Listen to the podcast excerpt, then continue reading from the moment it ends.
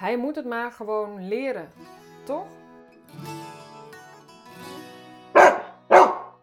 Op een gegeven moment zie ik vaak dat we toch op het punt komen van ja, hij moet het maar gewoon leren, toch? En hoewel je daar van alles over kan zeggen en hoewel ik het daarmee eens ben, tot op zekere hoogte, vind ik dat we echt wel een stap te maken hebben in ons verwachtingsmanagement. Want hij begint bij de vraag, en ik heb daar ook een podcast over, hè, van hij luistert niet, wat betekent dat?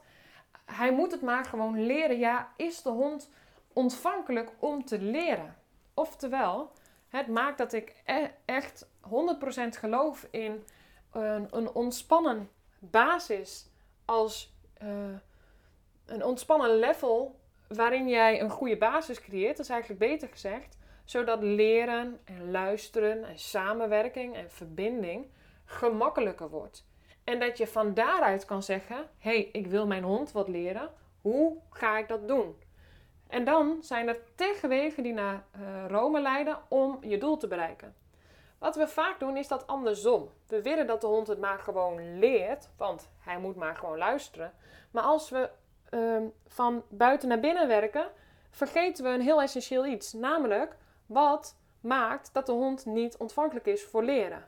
Nou, meestal is dat um, dat er bepaalde prikkels zijn die voor een emotionele respons zorgen, die voor de aanmaak van stresshormonen zorgen, die er vaak voor zorgen dat een hond uh, continu vol zit.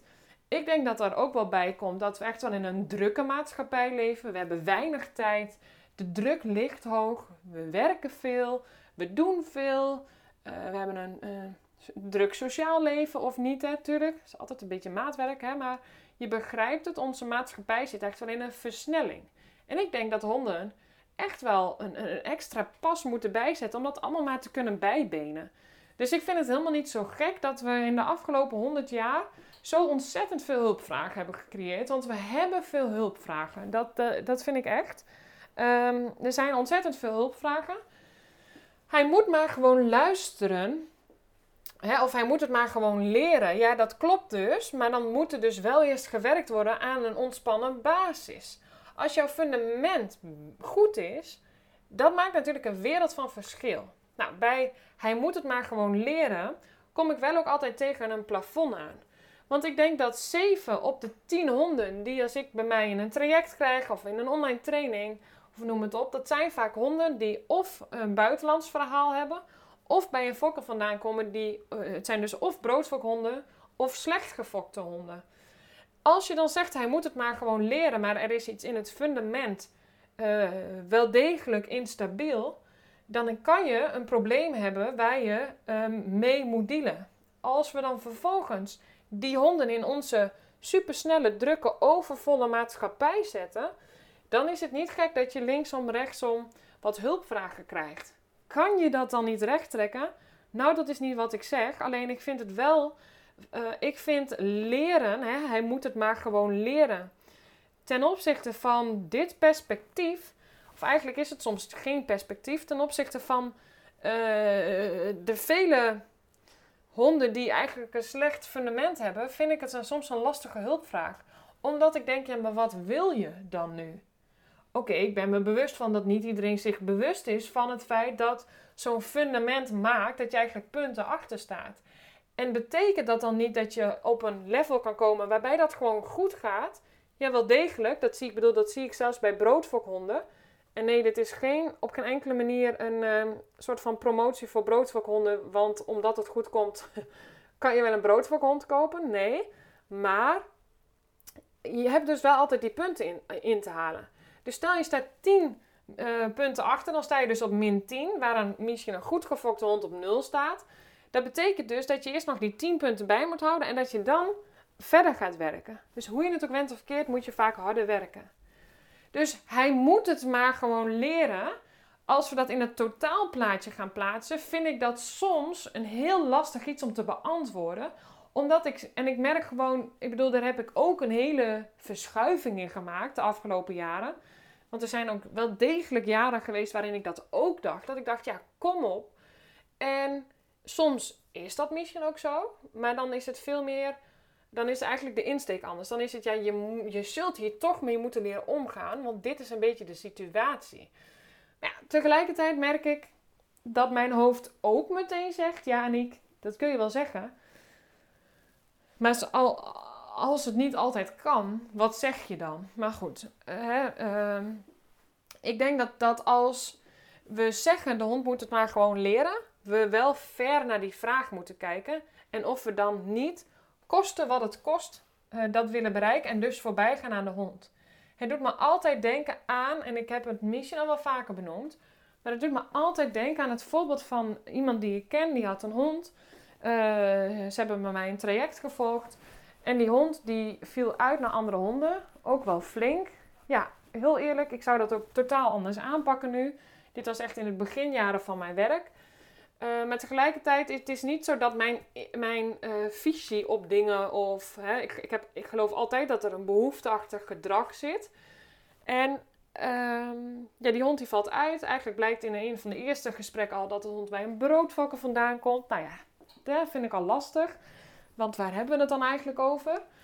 En dan vervolgens blijkt dat uh, ik werk ook als dierentolk, waarin de hond zelf ook echt al aangeeft: ja, mijn lichaam is niet 100% optimaal. Ze zijn bij een holistische dierenarts gegaan, geweest, waarin eigenlijk ook blijkt dat er iets bij zijn heupen niet goed is, in zijn achterhand niet. Vervolgens um, blijkt ook uh, dat de hond uh, in interactie met andere honden niet graag aan zijn achterkant besnuffeld wil worden. Nou, kan ik mij wel degelijk iets bij voorstellen. Want je ziet vaak dat als een hond dat niet wil, dat fysiek ongemak een rol speelt. Eigenlijk wordt de hond er want, wantrouwend van. Hè? Want wat als die hond daar snuffelt en het doet pijn? Of dat is misschien zelfs wel gebeurd. En dan zijn dat associaties geworden. Oké, maar als we dan gaan zeggen, ja, maar hij moet het maar gewoon leren. Hij moet maar gewoon leren met die honden om te gaan. Kosten wat het kost. En vervolgens doen we daar alles aan om dat doel te bereiken, omdat wij mensen dat willen. Omdat wij mensen in een woonwijk lopen waar ontzettend veel andere honden zijn. Omdat uh, het niet ontspannen loopt. En dat is allemaal fair enough. Hè? Het is heel logisch dat wij dat zeggen. Dus daar, daar gaat het niet om. Maar je komt dus wel op het stuk waar ik mij heel hard voor wil maken. Dat je dus echt nog wel kilometers terug mag denken want we hebben dus een fundamenteel probleem. Waarom hebben we een hond zoals deze in onze huizen? Oké, natuurlijk. Dat is onmacht. Dat gebrek aan kennis. Dat is geen, on, hè, dat is geen, geen bewuste keuze. Maar vanuit die mensen die zo'n broodfokhond creëren, is het wel een bewuste keuze, want ze willen er geld aan verdienen. Met alle gevolgen van dien. Maar als we dan gaan kijken naar de vraag, hij moet het maar gewoon leren, vind ik dat, vind ik dat zo lastig, omdat we dan dus kosten wat het kost vinden dat zo'n hond uh, eigenlijk een hond die beschadigd is. Want hij is gewoon al niet goed gefokt. Uh, ja, zich eigenlijk dan maar nog verder moet aanpassen. En ik denk dat dat kan. Uh, dat eigenlijk ook bij deze hond. Maar dan kom je eigenlijk wel een beetje bij de stem van de hond plat slaan. Want in dit geval is de hond getraind uh, met een e-collar. En heeft de hond ja, eigenlijk, ja, je kan dat bereiken als je de stem van de hond lam slaat. En de vraag is gewoon of je dat wil. En het is een punt waar ik niet meer op kan werken, omdat ik vind dat we heel veel dingen doen en hebben die heel verknipt zijn. Ehm, en die begint wel echt bij de basis. Waarom ik dus ook echt denk dat het zo essentieel is dat we daar met z'n allen op gaan zitten. In het algemeen. Anders is het alleen maar uh, dweilen met de kraan open. Dus ik denk dat we een enorme bewustzijnsverandering te maken hebben in het, onze ideeën over het hebben en houden van een hond. Dus hij moet het maar gewoon leren, is tot op zekere hoogte waar.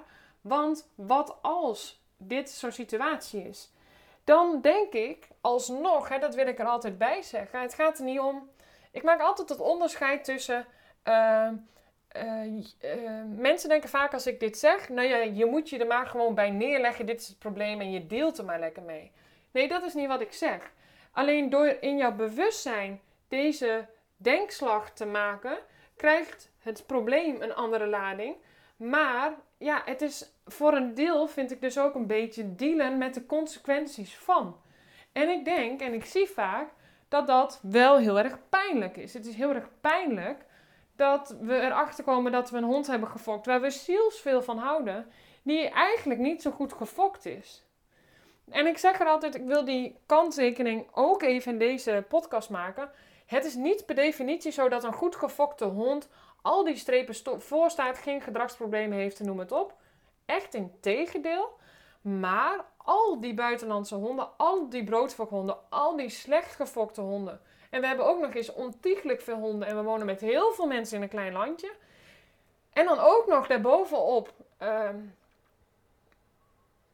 eigenlijk een fundamenteel probleem in onze denkwijze over het hebben en houden van een hond. En daarmee dus vooral ook de invulling van de behoeften van een hond. Dan spreek ik dus daarover een fundamenteel probleem die aangepakt mag worden. En wat gaat het doen als jij in je verwachting daar anders naar gaat kijken? Over het algemeen gaat dat meer lucht geven, meer ademruimte bij jou, bij je hond. Je gaat zien dat je jouw einddoel veel beter in, in projectjes kan aangaan. Hè? Want bijvoorbeeld die hond waar ik net over sprak.